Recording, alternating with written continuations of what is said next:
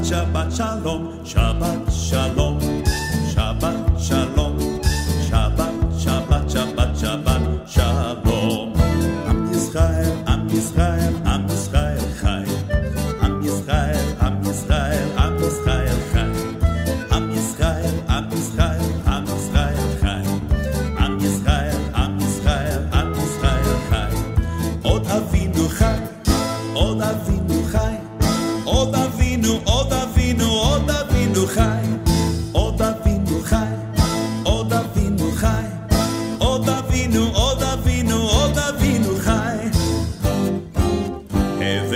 shalom alechem. Abenu shalom alechem. Abenu shalom alechem. Abenu shalom, shalom, shalom alechem. Abenu shalom alechem. Abenu shalom.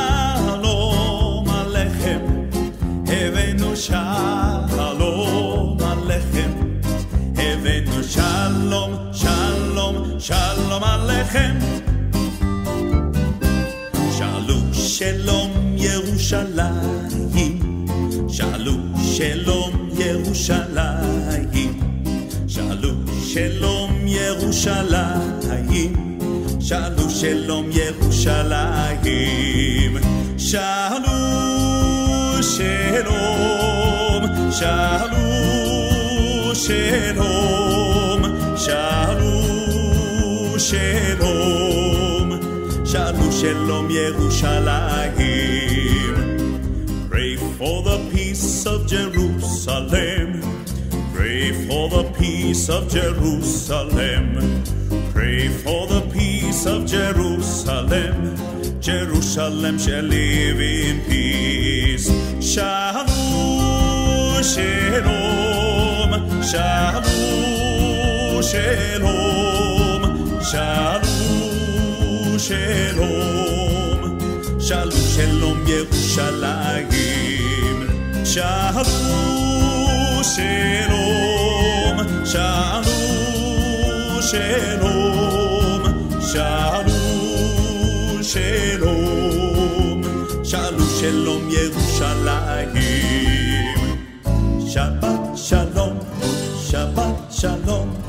Shabbat, Shabbat, Shabbat, Shabbat, shalom, Shabbat, shalom, Shabbat, shalom.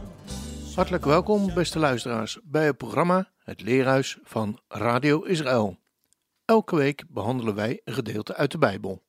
Deze week is kaderstrijker uit Naale, Israël, uw presentatrice. Parasha Bo, en Bo betekent kom, dan lezen we Exodus 10 vanaf vers 1 tot 13 tot vers 16. Uit de Haftara lezen we Jeremia 46 vanaf vers 13 tot 28. En we lezen Romeinen 9 van 14 tot 29. Nou, keer op keer is het in deze parasha duidelijk dat God zelf het hart van de farao verhardt. Maar waarom doet hij dit? Het antwoord vinden we eigenlijk al meteen in Exodus 10, vers 2b. En dan staat daar dat God zegt, opdat gij lieden weet dat ik de aanwezige JHWH ben. En dit heb ik natuurlijk enigszins vrij vertaald, alhoewel uh, er staat niet in de Bijbel aanwezige, maar er staat wel het woord JHWH. Uh, en overal in het, waar we in het Nederlands de naam Heren met twee of drie E's zien staan met hoofdletters, daar weten we dat daar in het Hebreeuws staat JHWH. Wat betekent deze naam? Aanwezig zijn. Ook gebeuren, geschieden. Maar voornamelijk, dat vind ik zelf de mooiste benaming, dat God aanwezig is. He, dus gij lieden weet dat ik, de aanwezige, ik ben jullie God. En het volk Israël moet dus weten hoe machtig God is, de aanwezige is, voordat hij hen uitleidt naar het beloofde land. Want er staat nog heel wat te gebeuren. Maar er is ook veel meer. Waarom wordt Farao zo gestraft? De moord op de Joodse eerstgeborene is ook iets wat gewroken moet worden. De achtste plaag vormen de sprinkhanen. En die eten alles af wat er nog aan overgebleven groen te vinden is. Er is dus echt niets meer te eten, te eten behalve sprinkhanen. Of de Egyptenaren dit begrepen staat er niet geschreven in de Bijbel, maar in deze plaag lijkt een klein deurtje open te zijn. Men hoeft niet van honger om te komen. De sprinkhanen verdwijnen wel weer snel na vurig gebed van Mosje op verzoek van de farao. Wat opvalt is dat Mosje zich zo nederig gedraagt ten opzichte van de farao. Hij is eigenlijk alleen maar de boodschapper tussen God en hem. Hij profeteert Gods woorden aan hem en bidt vurig tot God namens hem. En dan vraag ik me af hoe zouden wij zelf dit gedaan hebben. Er is in nummer 12 vers 3 van Mosje gezegd dat hij de meest bescheiden man op aarde is. De meest bescheiden man in het kamp. En dat zien we hier dan ook. Hij profileert alleen zijn God, niet zichzelf. En dat terwijl hij de grootste wonderen uitvoert die men zich maar denken kan. Over dat woord bescheiden, dat wordt heel vaak vertaald met nederig.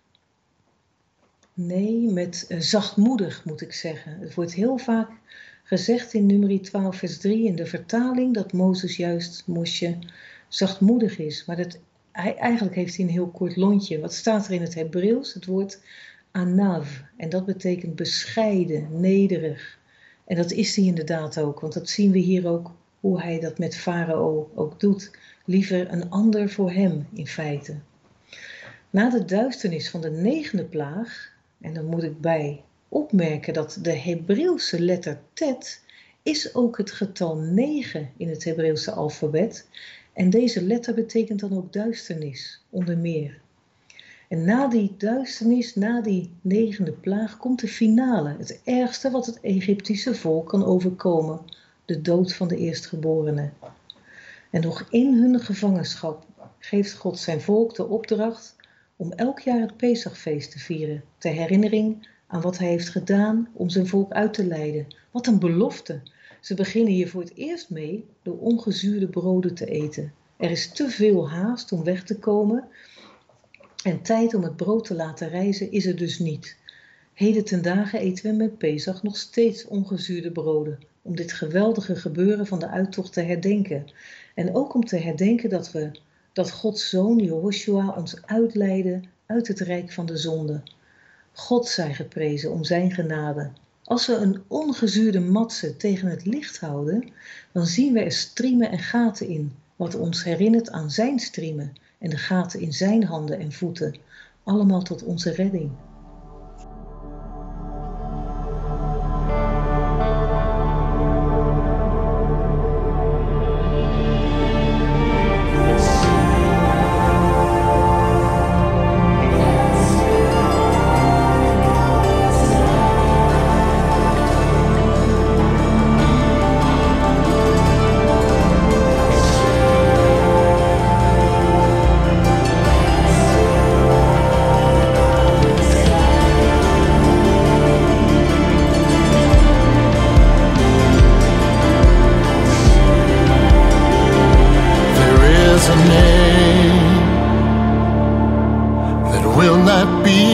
Forgotten there is a name.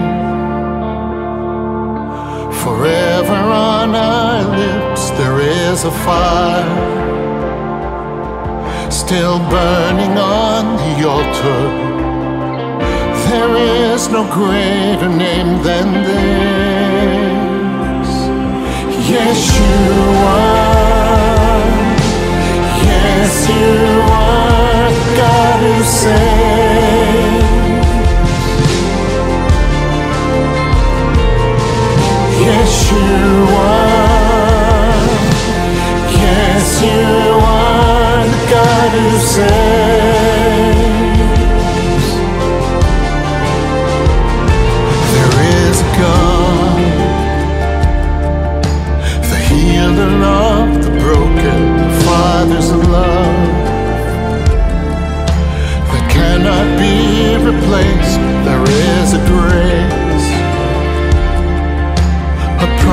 that was spoken. There is no greater name than this. Yes, you are. Yes, you are the God who saves.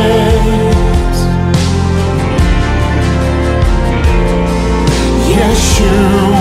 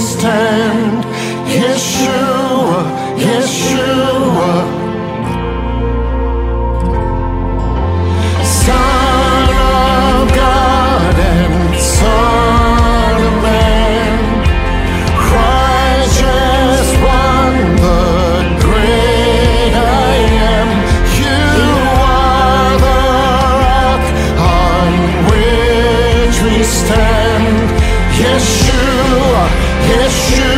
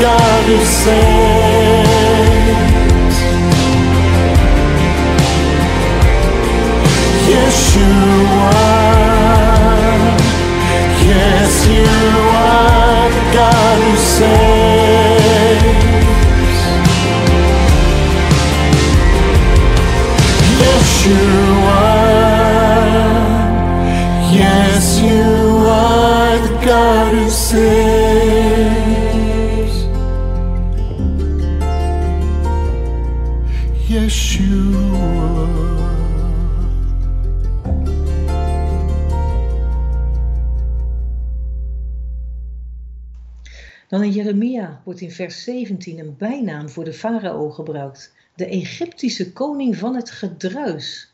Hamelech Mitzrayim Shaon staat er in het Hebreeuws. De Egyptische koning van het gedruis. Is dat sarcastisch bedoeld? Veel geblaat en weinig wol? Hoe dan ook, God doet bezoeking over iedereen in Egypte, zowel koning als de afgoden. Dat zien we in vers 25. Opnieuw wordt hier het volk Israël door God apart gezet, geheiligd. Zij hoeft niet te vrezen, want zij zullen alia maken, terugkeren, opgaan naar hun eigen land. En niemand zal hen meer verschrikken. In dat proces zijn we heden ten dagen. God houdt zijn volk niet onschuldig, maar kastijdt haar met mate, heel anders dan wat hij uitspreekt in vers 28 over de heidenen, waarmee hij een voleinding zal maken. En dan legt Paulus in zijn Romeinenbrief uit hoe het zit met de farao.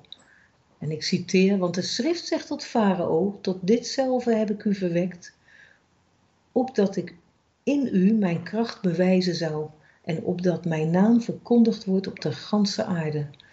Geen makkelijke woorden en Paulus maakt het niet beter door te verzuchten, maar o toch mens, wie zijt gij die tegen God antwoordt, zal ook het maaksel tot degene die het gemaakt heeft zeggen, waarom heeft gij mij al zo gemaakt? Hij neemt in vers 25 de vrijheid om Hosea te citeren en dit toe te passen op de gelovigen uit de heidenen. Een tekst die Hosea juist voor het volk Israël bedoelt te zeggen. En dan gaat hij verder in vers 27 met te citeren uit Jezaja. En dat past hij wel degelijk toe op het volk Israël. Gods genade staat centraal. En zo hoort het ook, want dat is hij. Hij is barmhartig en genadig. Shabbat shalom.